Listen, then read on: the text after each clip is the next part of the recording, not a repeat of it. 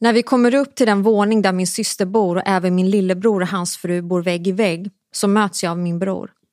Jag frågar hur det går och han förklarar för mig att de ger henne elchocker för att uppliva henne. Eh, va? Det känns plötsligt som att någon har slagit mig hårt i magen och jag blir helt iskall. Varför ger de elchocker? Jag förstår inte. Om man ger elchocker så... Det här är Wow Community Podcast. Alla har en story med pastor Sofia Munoz.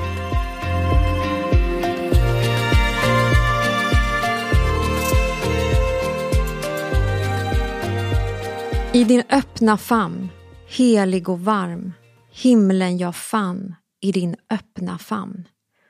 Det är möte för kvinnor i kyrkan och kanske ett hundratal är på plats. Vi är helt inne i sången som vi precis har sjungit. Mamma är kvällens talare och har precis gått fram för att börja tala när dörrarna till den stora kyrksalen plötsligt slås upp av en smäll och min bror kommer springande in och skriker Hon andas inte! Hon andas inte! Jag hinner knappt reagera. Och samtidigt när jag tänker tillbaka spelas det upp i mitt huvud i slow motion.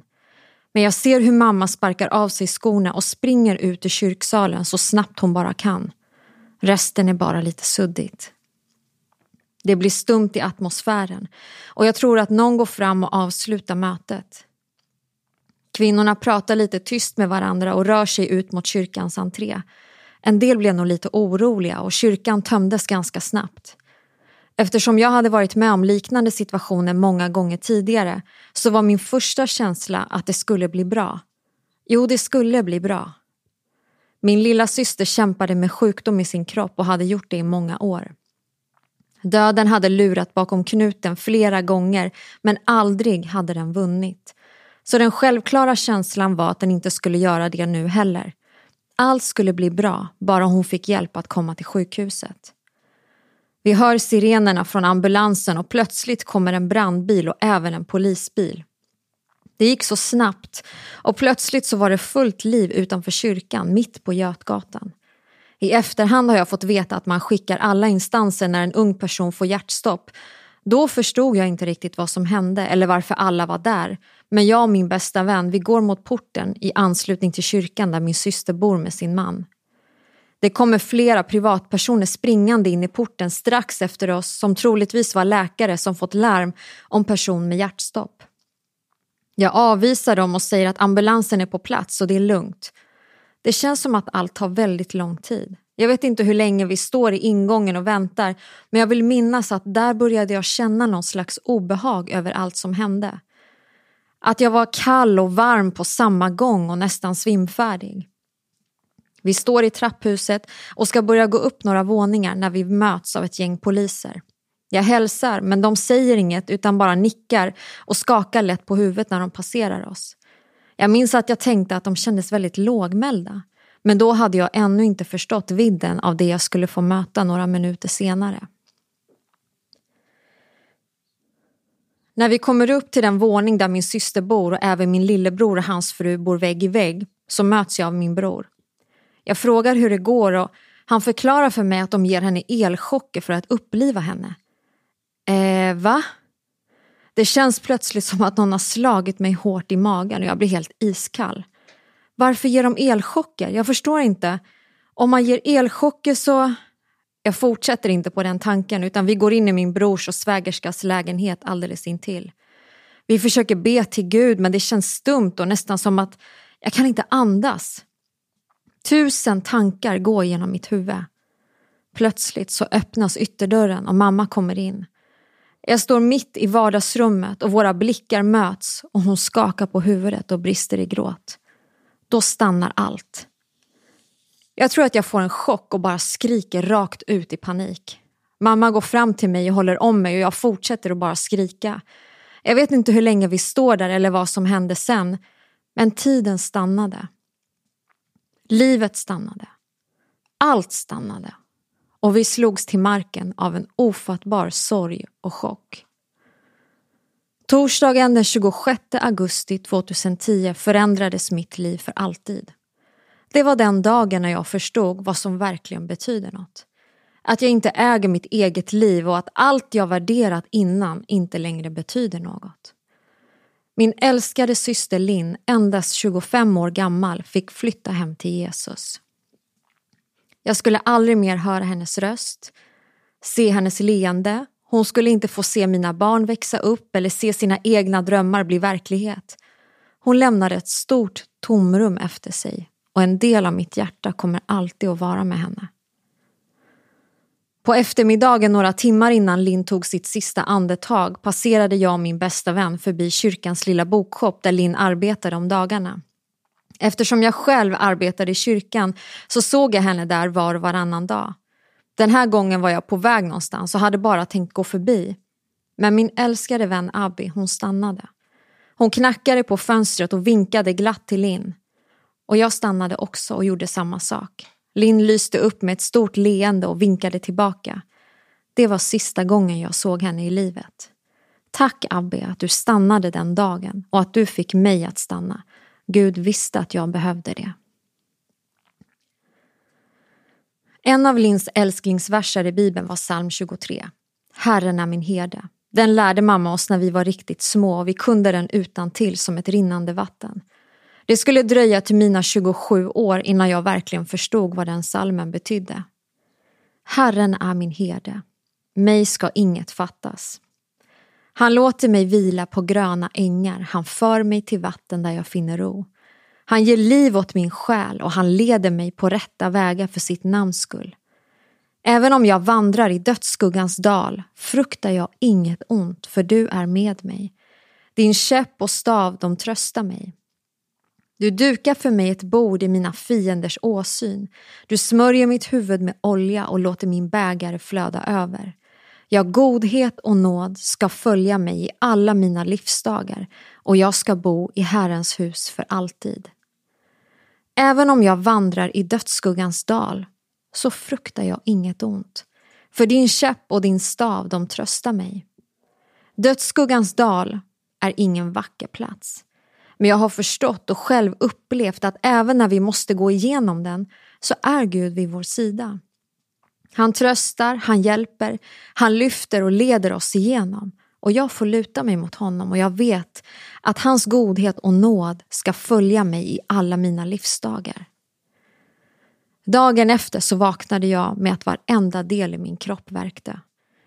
Jag antar att det var av chocken från kvällen innan och jag kastades mellan att allt bara var en hemsk mardröm, så overklig och ofattbar, för att inse att mardrömmen var mitt eget liv. Det var min familj som gick igenom det. Och då kan jag inte ens föreställa mig vad mina föräldrar tvingades gå igenom samtidigt. Så brutalt. Ingen ska behöva begrava sitt eget barn. Min första reaktion var att det var så orättvist. Varför just vi? Varför vår familj? Vi drog oss tillbaka, vi behövde samla oss och gråta och trösta varandra och försöka hitta tillbaka till någonting som var normalt fast att det egentligen aldrig mer skulle bli normalt igen. En stol vid vårt bord skulle för alltid vara tom. Hur skulle jag berätta för mina barn att moster Linn inte längre fanns kvar? Jag insåg att mina barn Levi och Sela, som då var fem och förståndiga tre år gamla, hade lättast att förstå. Himlen var självklar och de fantiserade om att moster Linn hoppade i sin säng tillsammans med Jesus. Många gånger när de talade om henne så rann mina tårar. Flera år efter kunde Sela komma till mig gråtandes och säga att hon saknade moster Linn. Vi hade var och en vår sorg på olika sätt. Dagarna som följde var några av de svåraste i mitt liv. Att träffa släkt och familj och möta människor och förbereda sig för att genomlida en begravning. Jag minns hur jag stod i en butik innan begravningen för att köpa något jag behövde till min outfit. Och där jag står i kön mitt bland alla människor så slår det mig plötsligt att jag ska köpa kläder till min systers begravning. Mina ögon fylldes av tårar och jag blev tjock i halsen. Det här var inte mitt liv. Det här kunde inte vara mitt liv. Lins vackra begravning fyllde hela kyrkan till bredden. Närmare 800 personer kom och delade vår smärta. Men det var en tröst att bara se alla människor, att krama om sina vänner som var där för att ge stöd. Att känna att Linn var viktig och att hon hade gjort avtryck under sitt korta liv. De kom för henne och de kom för oss. Linn hade gett all sin lediga tid för att tjäna i församlingen och det var verkligen hennes andra hem. Bland annat så hade hon varit ledare för en grupp tjejer. Hon delade Guds ord och sitt hjärta med dem och jag vet att hon älskade dem högt. Hon ville att de skulle få lära känna Jesus precis som hon hade gjort. På begravningen så stod tolv unga tjejer upp och höll tal till henne om vad hon betytt för deras liv. Och flera av dessa tjejer är idag kvinnor som fortfarande är kvar och fortsätter i hennes fotspår.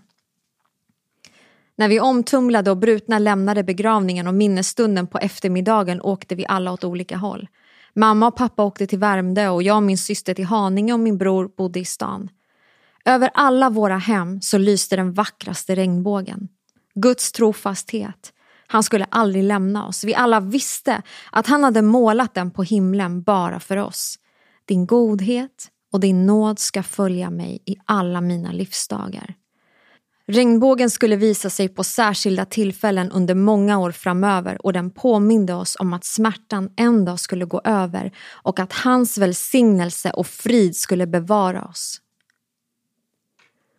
Men tiden som följde var tung och ofattbar. Det jobbigaste är nog att alla andras liv går vidare men man själv är kvar i sorgen och den outhärdliga smärtan. Men vi bestämde oss att fortsätta gå att leva som vi gjort innan. Vi hade en stark övertygelse om att Gud skulle bära oss och vi fick gråta under tiden. Och det här skulle inte få oss att ge upp. Strax innan vi förlorade vår älskade Linn hade jag hört en pastor dela om att Gud är allsmäktig och allvetande. Att han vet allt, att han har kontroll och att han ser den stora bilden. Jag blev påmind om dessa ord när mina varför blev alldeles för många. Jag insåg att jag kommer inte få svar utan jag måste bara tro och lita på Gud och att han har allt under kontroll. Han tog alla mina varför, alla mina frågor och jag fick bara luta mig mot honom. Linn och jag, vi var så otroligt olika redan från när vi var små. Trots att det bara var 14 månader emellan oss så var vi som dag och natt. Jag var den kloka, förståndiga stora systern som tänkte först och agerade sen. Men Linn, hon var sprallig och impulsiv. Hon fick vänner vart hon än gick och hon hade inga problem att gå hem till främlingar för att ta en fika. Men trots våra olikheter så hade vi alltid nya planer på gång och vi hade väldigt roligt tillsammans. Vi älskade att göra egna filmer och för det mesta så var jag regissör såklart och mina tre småsyskon spelade olika roller framför kameran. Jag minns min uppväxt med så mycket kärlek och värme. Gud var alltid i centrum och vi var en lycklig familj. Oavsett våra svårigheter och saker som kom i vägen så var alltid lösningen en bön och att fortsätta hålla fast vid Gud. Mamma och pappa var väldigt noga med att vi skulle hålla ihop som familj och det är de fortfarande trots att vi alla är vuxna med egna familjer. Det var i lågstadiet som Linn, bara åtta år gammal, fick sitt första epileptiska anfall där hon höll på att mista livet och det skulle bli en början på ett långt lidande Även om det fanns perioder som var bättre än andra. Men det var också smärtsamt för oss i familjen att se hur plågad hon var av sjukdomen. Hennes medkänsla för människor i svårigheter var så mycket starkare än min. Eller åtminstone så visade hon den sidan mer. Hon hade lätt att visa känslor. Kanske kunde hon känna extra mycket med andra för att hon själv kämpade med sin hälsa. Hon kunde gråta när hon såg fattiga barn på tv eller när hon såg någon som var utsatt och så var hon ända upp i vuxen ålder. Linn älskade mycket. Hon såg alltid det goda i människor och ibland kanske lite för mycket vilket gjorde att hon lätt blev sårad. Men hon reste sig igen och hon visade ännu mer nåd mot den som hade sårat henne. Ju äldre vi blev desto mer påmind gjorde sig våra olikheter. Men det har aldrig funnits någon och det kommer aldrig finnas någon som kommer kunna reta mig lika mycket som Linn gjorde eller få mig att skratta lika mycket som hon gjorde. Hennes egenskrivna sånger, hennes spex och upptåg, hon var verkligen one in a million. Jag har alltid varit tidig med allt i mitt liv och jag gifte mig redan som 18-åring och hann till och med få två barn innan Linn ens hade hunnit träffa den hon skulle dela sitt liv med. Jag minns att hon en dag berättade att hon skulle gifta sig med en asiat. Hon hade inte träffat honom än men hon bara visste. Och jag blev faktiskt lite förvånad och tänkte att det här var ännu ett av hennes impulsiva infall eftersom vi knappt kände några asiater. Och varje gång det kom en asiat till kyrkan så frågade jag retsamt, är det han Linn? Men tro det eller ej, Linn träffade sin älskade David när de hamnade på samma utbildning. Han är från Indonesien och har det finaste, mjukaste hjärtat av alla. Jag förstår varför hon blev kär i honom. Hon kände hans goda hjärta och det klickade med henne som var precis likadant. Linn delade sin tro med alla hon mötte och även med David som kom från en trasig bakgrund väldigt olik hennes egen. David fick möta Jesus genom Linn och det förvandlade hans liv och jag vet att han är tacksam till henne varje dag för att hon visade honom vägen till Gud, sann kärlek och hur en familj ska vara. Deras bröllop var nog ett av de vackraste jag har varit på. Det var den underbaraste dagen på hela sommaren 2008. Himlen var klarblå och solen värmde så perfekt. De hade valt att ha sin vigsel och fest på Värmdö på vårt sommarställe Myttinge där min morfar vuxit upp och vi spenderat alla våra somrar. Festen var i båthuset nere vid bryggan och jag och min syster vi hade hjälpt henne att komma i ordning. Joy hade sminkat henne och jag hade fixat håret och brudbuketten. Hon hade önskat att vi systrar skulle göra det tillsammans. Linn strålade och hade aldrig varit vackrare. Familjen och de närmsta vännerna var inbjudna och där satt vi vid det spegelblanka havet framför oss och väntade på bruden. Björkens stora hängande grenar dansade i vinden när tonerna till ingångsmarschen de hade valt The Prayer med Céline Dion och Andrea Bocelli började spela. Linn och pappa gick sakta ner för grusgången och ingen kunde hålla tårarna tillbaka.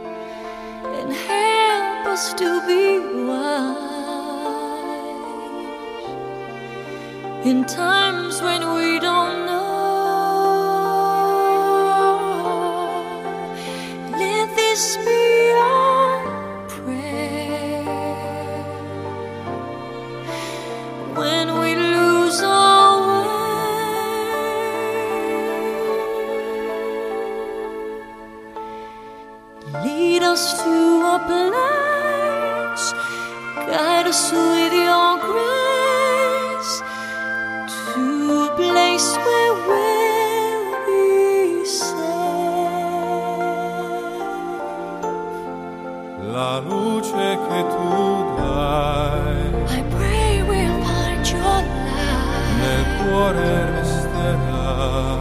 and hold it in our heart. Ricordo Det här var inte bara Lins bröllopsdag. Det här var också hennes revansch. Det var en dröm som gick i uppfyllelse och hon fick leva livet precis som alla andra utan att tänka på sorg och smärta. Hon hade fått sin asiatiska prins. Festen nere i båthuset var som ett drömmigt reportage i en bröllopstidning. Vi hade dukat med långbord med romantiska vita stolar till, hängt tyll i taket och dekorerat med rosor i krämvitt och varmorange precis som hon hade önskat. Utanför så glänste havet i solen och det hade inte kunnat vara en mer perfekt dag. De lämnade festen i en båt ut på öppet hav och nu skulle deras liv börja. De två kommande åren skulle bli väldigt påfrestande. Mest för Linn och hennes hälsa som drastiskt försämrades och läkarna lyckades inte med mediciner häva alla de anfall som ständigt skakade om hennes kropp.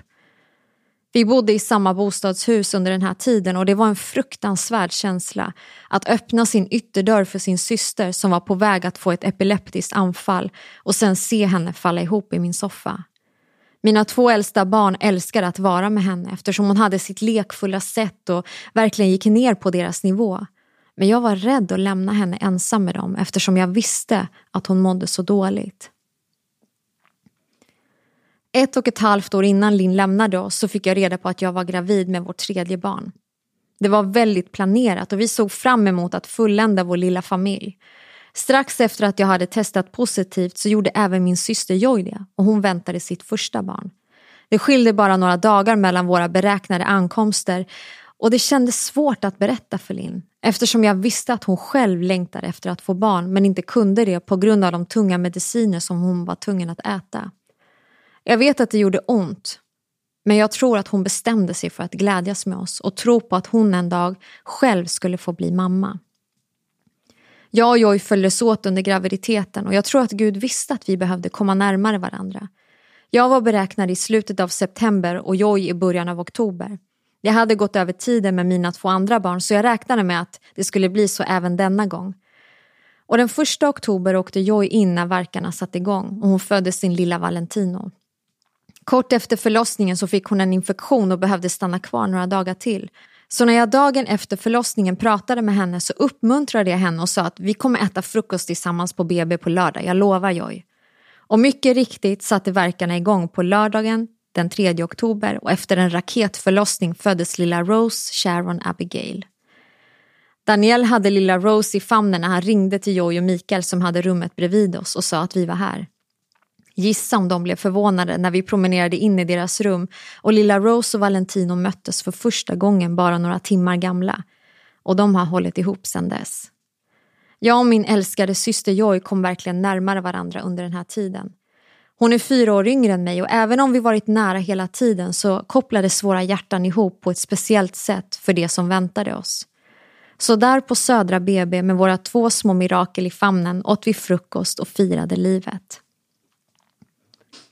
Linn föddes den 28 oktober och firar numera sina födelsedagar i himlen. Men tänk att Gud gav oss två underbara små människor just i oktober. Dubbel tröst och dubbel välsignelse.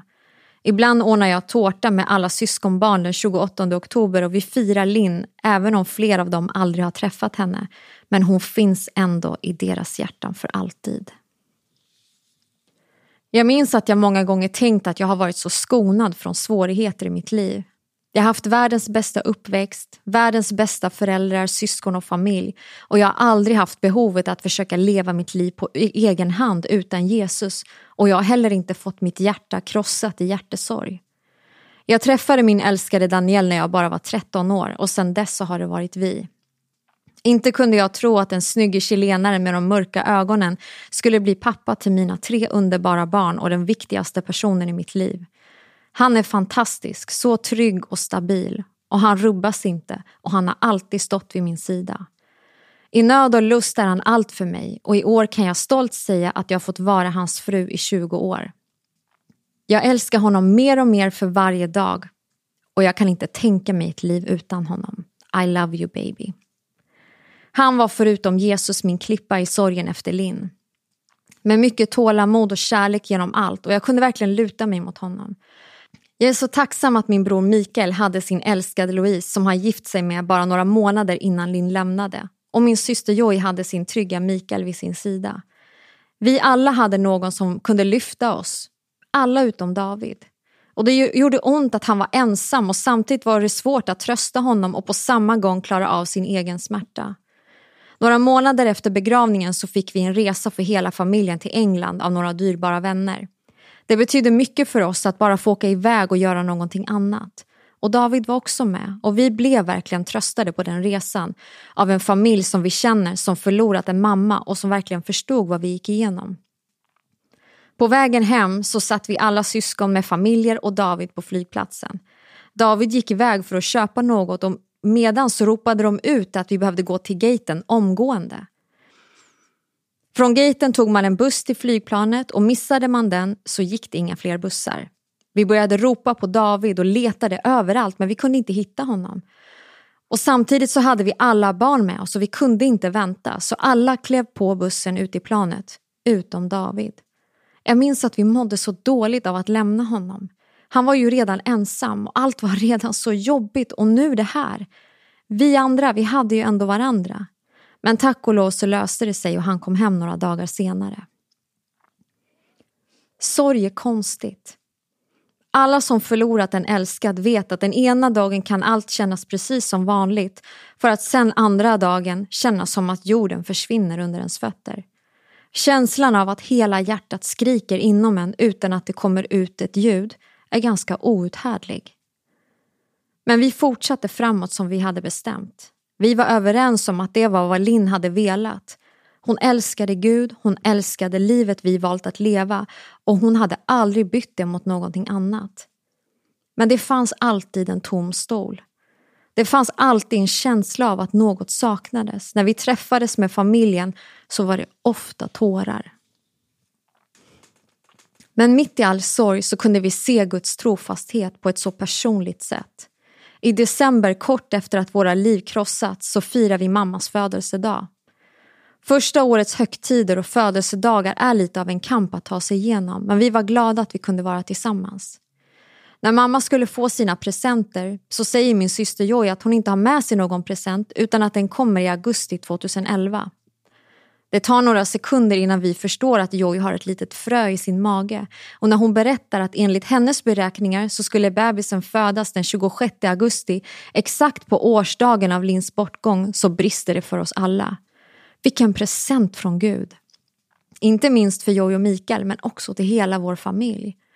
Joy skrev till Gud i sin drömbok att hon ville att hennes lilla baby skulle födas i augusti eftersom hon förlorat en älskad i augusti så ville hon också ha en tillbaka.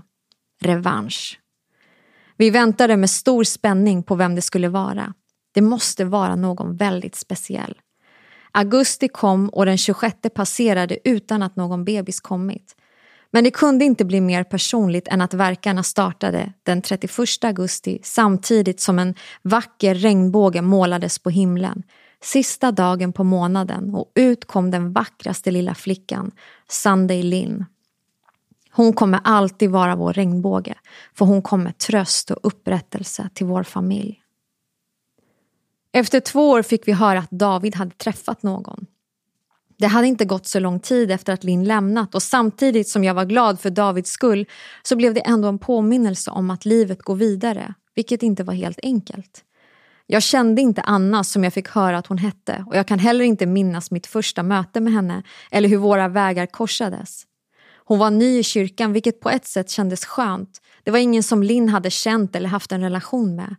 Men från den dagen jag lärde känna Anna så har hon alltid, alltid, alltid respekterat Linn. Att Linn är en del av Davids historia, att han alltid kommer vara en del av vår familj och att minnet av henne kommer att få leva vidare. Jag förstår att det måste ha varit svårt för henne många gånger men hon har alltid hedrat henne och säger till och med att David är den han är på grund av henne. Det finns ingen som Anna. Hon är så underbar och så vacker. Hon är precis så som jag tror att Linn hade varit om hon hade fått vara frisk och stark och de hade säkert varit bästa vänner. Anna älskar Gud, hon är fri, hon är stark och man kan inte annat än älska henne. Idag är hon en av mina närmaste vänner. Hon har blivit en syster och jag hade inte kunnat önska en bättre fru till David. De är a perfect match och jag tror att sorgen vi delat har fört oss så mycket närmare varandra. Idag kan jag ärligt säga att jag känner mig mer som familj med David idag än vad jag gjorde tidigare. Varje år på Lins födelsedag får vår familj kärleksfulla sms från David som tackar Gud för Lins liv. För att hon visade honom vägen till frälsningen och för att han får vara en del av vår familj som idag även inkluderar Anna och deras tre små underbara döttrar. Men det var ju fortfarande det där med den tomma stolen. Hur kommer man vidare? Min bror Mikael och hans fru Louise åkte till Colombia på internship under sommaren 2012. De skulle hjälpa till i en församling där och lära sig hur de arbetar och de var borta närmare två månader.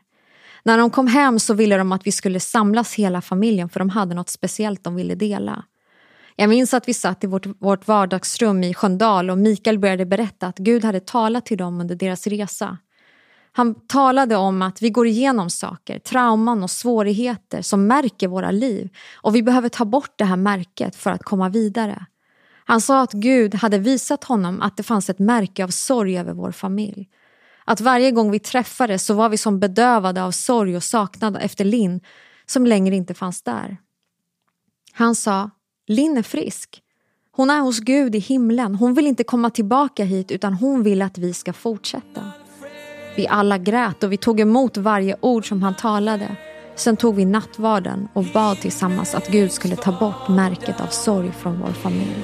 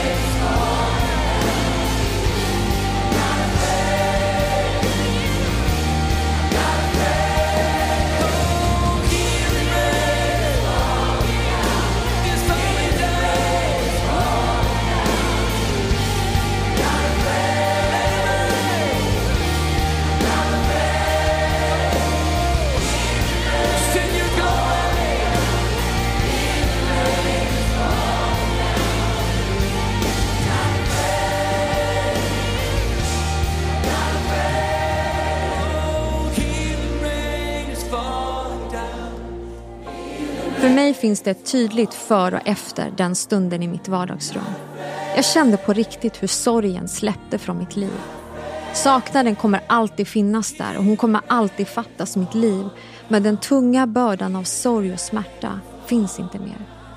Jag vet att Linn inte ligger begraven i jorden och hennes gravsten är bara en plats dit jag går där jag kan minnas hennes liv och allt hon fått betyda för mig och andra människor. Himlen finns på riktigt. Hennes liv blev kort, men jag kan inte räkna alla människor som hon fick nå, påverka och älska under sin tid här på jorden. Hon hann skriva tre böcker innan hon lämnade. Den tredje låg på hennes nattduksbord när hon somnade in och den trycktes i efterhand. Hennes uppriktiga kärlek till sina medmänniskor gjorde henne till en kvinna som vågade säga det ingen annan sa. Hon var modig. Hennes egen smärta som ingen kanske såg hällde hon ut i många tjocka dagböcker till Jesus. Och mamma har berättat att hon ofta fann henne sovandes med bibeln i famnen redan från att hon var liten. På jorden för himlens skull. Det sammanfattar liksom Lins liv och det har blivit ett quote i vår familj. Jag har en syster i himlen och därför vill jag också leva varje dag, varje minut och varje sekund här på jorden för himlens skull med hoppet att en dag få möta henne. Kan man överleva sorg? Kan smärtan av att förlora en älskad någonsin läka? Ja, min kära vän, den kan läkas. Den kan helas hos Jesus, i hans varma famn, vid hans fötter, där vi kan hälla ut allt vi bär på och där han tar emot oss. Han lyfter av dig sorgens börda från dina axlar och du kan på nytt lyfta blicken för att se en framtid och ett hopp. För det finns hopp. Herren är min herde. Mig ska inget fattas. Han ger liv åt min själ. Han leder mig på rätta vägar för sitt namns skull.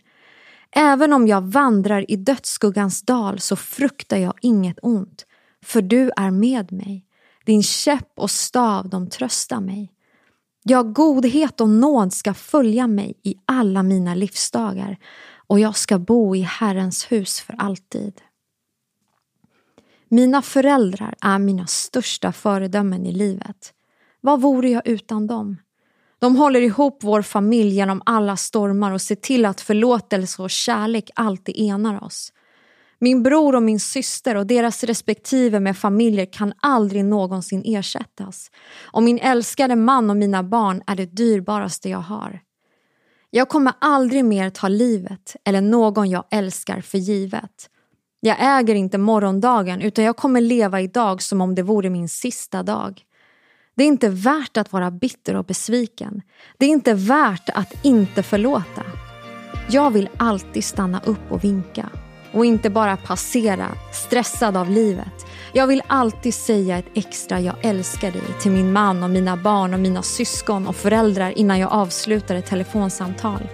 Jag vill slösa med love yous i mina sms och skicka grattishälsningar från hjärtat till de som betyder extra mycket för mig. Jag vill precis som Linn älska mycket och jag vill alltid se det goda i andra människor även om det innebär att jag blir sårad. Om mitt liv här på jorden inte är mer än en vindfläkt och himlen finns på riktigt då vill jag att alla mina andetag här och nu ska vara för evigheten. Tack för att du lyssnade. Det här var Alla har en story med pastor Sofia Munoz.